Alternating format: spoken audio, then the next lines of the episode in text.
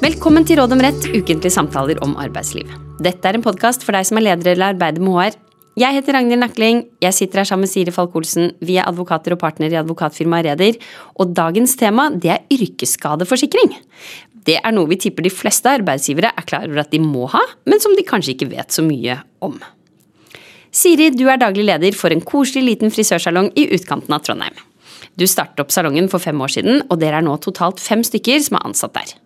En av de ansatte har jobbet i frisøryrket i over 20 år. Du har lagt merke til at hun i det siste har klaget mye over vondt i ryggen, vondt i armene. Hun har gitt beskjed om at nå kommer hun til å bli sykemeldt 50% pga. disse plagene. De skyldes rett og slett at hun har jobbet som frisør i alle år. Og hun spør deg om det er mulig å få noe erstatning eller dekning for sånne yrkesrelaterte plager. Dette har du faktisk ikke peiling på. Du tror at selskapet har en yrkesskadeforsikring for yrkesrelaterte skader, men du har aldri meldt inn noe krav til forsikringen tidligere, og du er litt usikker på hvordan dette fungerer. Hva skal vi si til denne lederen, Shiri? Nei, Først og fremst så vil jeg si at jeg håper at hun har tegnet en yrkesskadeforsikring på vegne av eh, denne frisørsalongen. Fordi yrkesskadeforsikring det er en forsikring som nærmest alle arbeidsgivere i Norge plikter å tegne for sine ansatte. Eh, og den skal dekke skader og sykdommer som oppstår ved arbeidsulykker. Eh, så selv om arbeidsrelaterte skader og ulykker forekommer mye sjeldnere i Norge enn i mange andre land, og man også heldigvis har hatt en utvikling med hensyn til hvor farlig ofte arbeidsplasser vil være, så er det likevel ikke til å unngå at det skjer stadig vekk ulykker og skader på arbeidsplasser rundt omkring, eh, men naturligvis mer i visse bransjer eh, enn andre. Og hvis uhellet først skulle være ute, så er det jo veldig bra at vi i Norge har en lov da, som pålegger alle arbeidsgivere å tegne yrkesskadeforsikring. Sånn at en arbeidstaker som blir utsatt for en arbeidsrelatert skade eller ulykke, i det minste har krav på erstatning. Og hva er det viktig for arbeidsgivere å vite om yrkesskadeforsikring? Nei, Det er jo ikke så vanlig at arbeidsgivere har inngående kunnskap om dette med yrkesskadeforsikring, fordi det er jo tross alt det forsikringsselskapene som vurderer om arbeidstakere har krav på dekning eller ikke. Eh, det viktigste for arbeidsgiver er å vite om plikten til å tegne forsikring, samt å melde fra til forsikringen ved skader eller sykdommer som kan dekkes under forsikringen. Men alle arbeidsgivere, må de tegne yrkesskadeforsikring? Uansett hvor store de er, uansett hva de holder på med? Eh, nja, det finnes noen unntak, men plikten gjelder alle som har noen i sin tjeneste. Eh, og den gjelder også f.eks. de som kun har én ansatt. Eh, og det er heller ikke noe krav om at man driver med næringsvirksomhet, så plikten til å tegne yrkesskadeforsikring gjelder også ideelle og humanitære organisasjoner og foreninger. Men rent sporadisk arbeid, som f.eks. dugnadsarbeid for et idrettslag eller korps, det vil normalt sett ikke utløse plikt til å tegne forsikring. Eh, slike tilfeller må vurderes konkret. Også I tillegg er det noen særregler for statlig og kommunalt ansatte i hovedtariffavtalene. Eh, samt at ansatte i staten eh, i stedet er forsikret gjennom Statens pensjonskasse. Og så kan det nevnes at man har en egen forskrift til lov om yrkesskadeforsikring, eh, som også presiserer noen unntak fra dette kravet til å tegne yrkesskadeforsikring. F.eks. så er det ikke et krav om yrkesskadeforsikring når det er snakk om arbeid som utføres for privatpersoner, når det gjennomsnittlig eh, eh, arbeidstid utgjør mindre enn ti timer per uke. Så Det vil jo typisk kunne gjelde for personer som har ansatte private hjemme da, for å utføre arbeid. Og bare så jeg eh, er sikker på at jeg ikke har mistet det, Siri, det er neste spørsmål er hvor er det vi finner reglene? Ja, der vi har en egen lov som heter yrkesskadeforsikringsloven, som ble vedtatt i 1990. Eh, sånn at Yrkesskadeforsikring er altså en lovregulert forsikringsordning, og loven inneholder nærmere vilkår eh, og krav eh, for dekning under forsikringen. Og Loven pålegger da, enkelt sagt, alle arbeidsgivere å tegne forsikringen, men det er opp til hver enkelt arbeidsgiver å velge hvilket forsikringsselskap man skal benytte, og om man eventuelt ønsker å kjøpe tilleggsdekninger. Mm -hmm. Og så er det jo snakk om altså skader. Hva slags skader er det yrkesskadeforsikringen gjelder, egentlig? Ja, altså Forsikringen gjelder ved det som kalles for yrkesskade. Eh, og En yrkesskade er definert som skade, sykdom eller dødsfall som følge av eh, en ulykke som har skjedd på jobb i arbeidstiden. Og yrkesskaden må være forårsaket av en plutselig eller uventet hendelse. Eh, og det kan være f.eks. skader som følge av en eksplosjon eller fall fra stillas, eller at noen sklir og detter ned trappen på kontoret. Og så har du sagt at sykdom også dekkes. Er det alle typer sykdommer? Ja, Det som dekkes, det er det som kalles for yrkessykdom, eh, som følger av skadelig påvirkning fra arbeidsmiljøet. Og Her finnes det to forskrifter som lister opp sykdommer som kvalifiserer til å være yrkessykdom. Og Hvis sykdommen ikke omfattes av noen av de to forskriftene, så er det så utgangspunktet at sykdommen ikke dekkes under yrkesskadeforsikringen. Det kan sies at liksom yrkessykdom er særlig relevant for visse yrkesgrupper, og typisk yrker hvor de ansatte utsettes for kjemikalier og støy osv. Typisk da industriarbeidere, sveisere, frisører, rengjøringspersonell. Ja, og nå skal vi ikke inn på alle sykdommer som kvalifiserer som yrkessykdom, eller kan gjøre det, men, men du har jo eh, vært inne på på hvem denne eh, Altså hvem som kan være særlig utsatt da, for yrkessykdom. Og hvis du skal gi noen konkrete eksempler på hva yrkessykdom kan være, hva er det? Ja, f.eks. nedsatt hørsel, som skyldes at man har vært utsatt for bråk fra maskiner. Det kan være forgiftning fra kvikksølv eller bly. Eh, karantenesykdommer som kolera, gullfeber, kopper. Eh, ulike følger av kulde og lav temperatur under arbeid i ishavsstrøk. Eh, så man kan jo si at noen av disse er ganske spesifikke. Absolutt. Um, og så er det altså det er jo litt flere vilkår. Det er både at sykdom må være listet opp i en av forskriftene, og så er det noen flere, men de holder vi vel oss unna i dag, holdt jeg på å si. Der er det vel mest eh, relevant å trekke frem at det må være årsakssammenheng mellom sykdommen og arbeidet. Ja, det er viktig å huske på. Mm. Så tenker vi på casen vår. da, Det var denne frisøren som hadde rygg og vondt i armene, for, som følge av, hvert fall ifølge henne, da, for mye ståing og for mye armbruk. Er det en skade som kan dekkes? Ja, og sånn Umiddelbart så skulle man jo tenke det, for det er jo definitivt knyttet opp mot den jobben hun har gjort som frisør.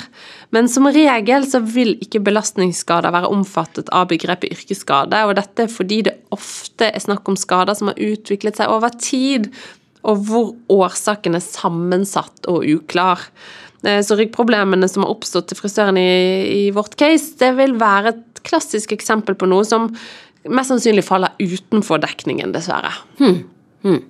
Men hva om denne frisøren f.eks. hadde fått dypt stikk fra saksa, da, skadet seg, eh, eller fått atopisk eksem pga. kjemikalier? Da dekkes det normalt? Ja, I utgangspunktet så vil det være skader som kan dekkes. En annen ting som er greit å nevne, det er jo at eh, arbeidstaker ikke trenger å bevise at arbeidsgiver var skyld i skaden. Eh, forsikringsselskapet har et såkalt objektivt ansvar.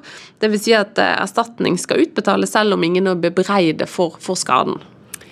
Men når vi snakker om yrkesskadeforsikring, så snakker vi om skader og sykdommer som er arbeidsrelatert. Hva med det som skjer utenfor kontoret, da, eller utenfor der du har avtalt arbeidssted? Hvis du er på vei til kontoret, hvis du er på kaffebrenneri i kaffepausen, eller hvis du sitter på hjemmekontor og noe skjer? Ja, Loven sier at yrkesskadeforsikringen skal dekke skader og sykdommer som arbeidstakere påføres i arbeid på arbeidsstedet i arbeidstiden. Så ingen tvil om at den gjelder ved ulykker som skjer på det avtalte arbeidsstedet, f.eks. kontoret, lager eller bygningsplassen man jobber på. Men det kan oppstå vanskelige eh, grensedragninger.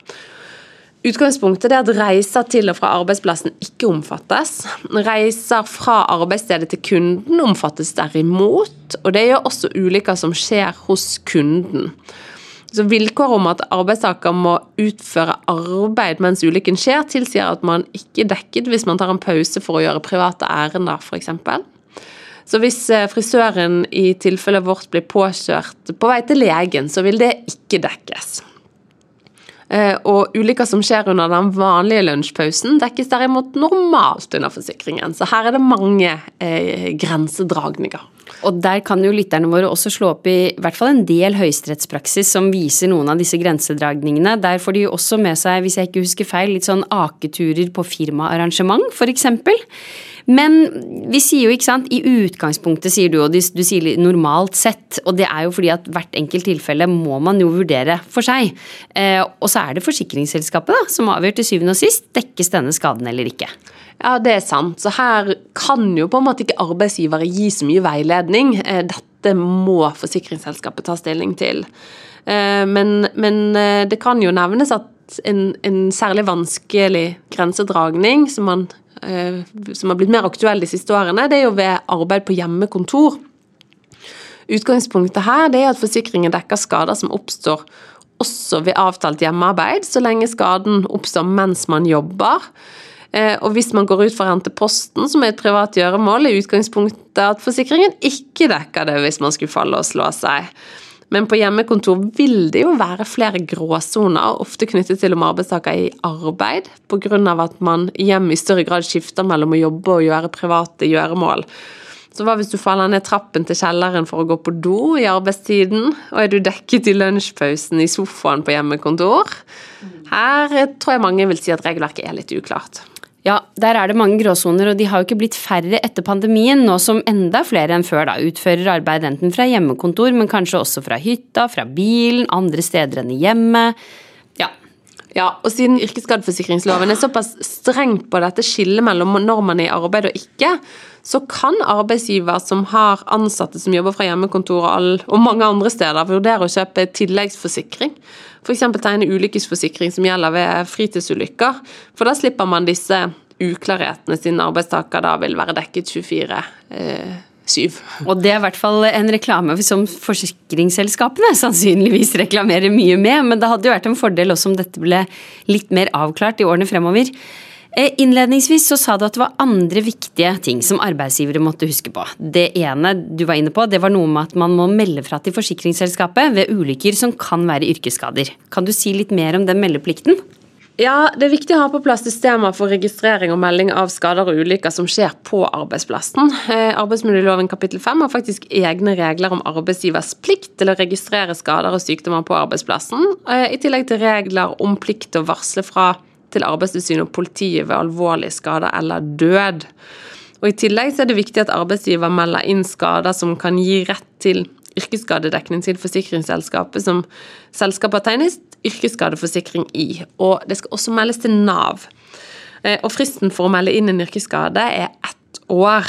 Eh, så blir arbeidsulykken meldt inn etter fristen, så kan man risikere at skaden ikke blir godkjent som yrkesskade verken hos forsikringsselskapet eller Nav. Og Det er derfor veldig viktig at arbeidsgivere har et godt system rundt dette. Og sånn sett så er det bedre å melde fra en gang for mye enn en gang for lite. Men nå er det kanskje noen som lytter til oss og tenker hvorfor skal dette også meldes til Nav? Har de noe med denne yrkesskadeforsikringen å gjøre? Eh, grunnen til det, det er fordi at ved yrkesskade så er det sånn at arbeidstakeren også kan få yrkesskadedekning etter folketrygdloven. Folketrygdloven kapittel 13. Eh, for hvis skaden eller sykdommen godtas eh, som yrkesskade av Nav, så vil den skadde få utvidede rettigheter etter trygdelovgivningen. F.eks. så vil trygden dekke større andel av utgifter til lege og fysioterapeut enn ellers, og man vil bl.a. få bedre vilkår for eh, arbeidsavklaringspenger og uføretrygd.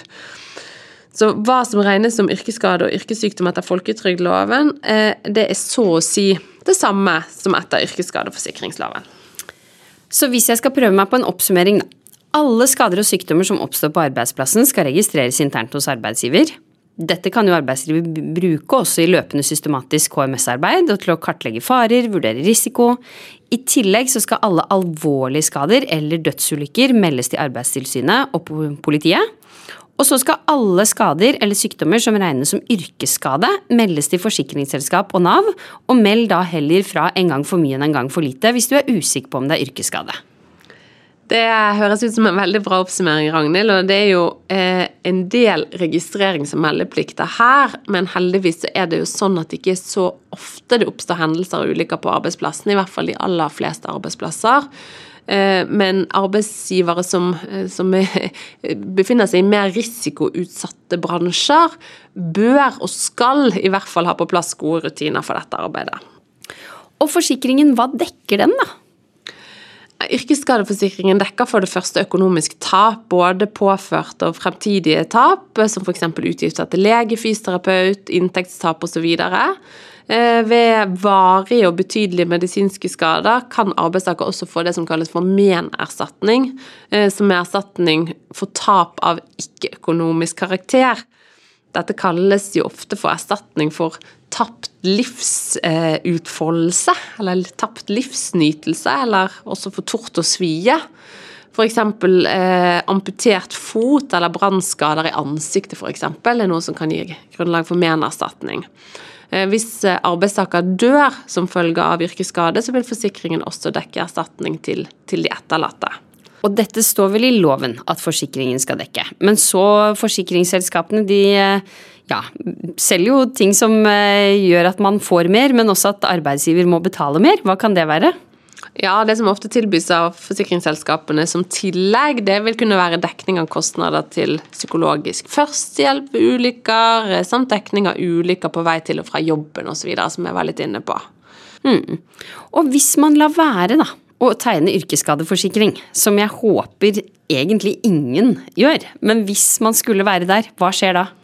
Da kan arbeidsgiver straffes med bøter eller fengsel i inntil tre måneder. Eh, det følger av eh, yrkesskadeforsikringslovens paragraf 19. Heldigvis så vil eh, en sånn feil ikke gå utover arbeidstaker hvis det skulle være sånn at arbeidsgiver har forsømt plikten til å tegne forsikring. Alle forsikringsselskap som tilbyr yrkesskadeforsikring i Norge, vil i, en sånn situasjon være erstatningsansvarlig overfor denne arbeidstakeren i fellesskap, så man har en ordning som gjør at ikke det, liksom, arbeidstakeren eh, skal være den som lider pga. en sånn eh, feil. Det er jo godt å vite.